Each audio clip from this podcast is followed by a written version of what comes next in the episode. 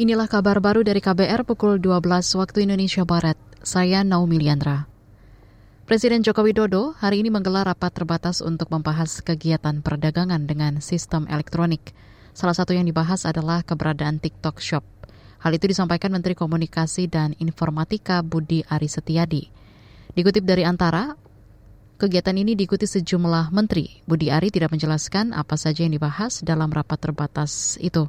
Sebelumnya Presiden Jokowi mengatakan perdagangan elektronik termasuk melalui platform video TikTok berdampak pada anjloknya perdagangan usaha mikro kecil menengah atau UMKM maupun pasar konvensional.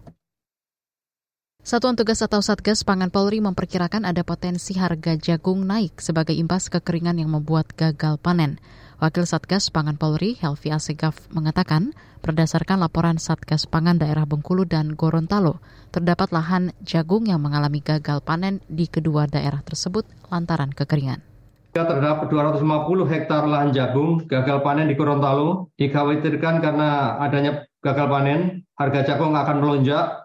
Hal tersebut akan berdampak kepada harga pakan Wakil Satgas Pangan Polri Helvi Asegaf menambahkan karena harga pakan jagung untuk ternak naik, kemungkinan bakal berdampak juga pada kenaikan harga daging ayam maupun telur ayam di pasaran. Saudara Kementerian Kesehatan bakal memasukkan aturan mengenai aturan baru registrasi dan perizinan tenaga kesehatan. Aturan itu bakal dimasukkan dalam rancangan peraturan pemerintah turunan dari Undang-Undang Kesehatan. Sekretaris Konsil Tenaga Kesehatan Indonesia Diono Susilo mengatakan surat tanda registrasi atau STR berlaku seumur hidup, sedangkan surat izin praktik atau SIP berlaku lima tahun. Registrasi bertujuan untuk melaksanakan pencatatan resmi terhadap tenaga medis dan tenaga kesehatan sebagai salah satu syarat pemberian izin. Tenaga medis atau tenaga tenaga kesehatan akan berpraktek wajib memiliki SIP, eh, STR, mohon maaf, STR adalah bukti tertulis yang diberikan kepada tenaga medis dan tenaga kesehatan yang telah terregistrasi. STR diterbitkan oleh Konsil atas nama Menteri.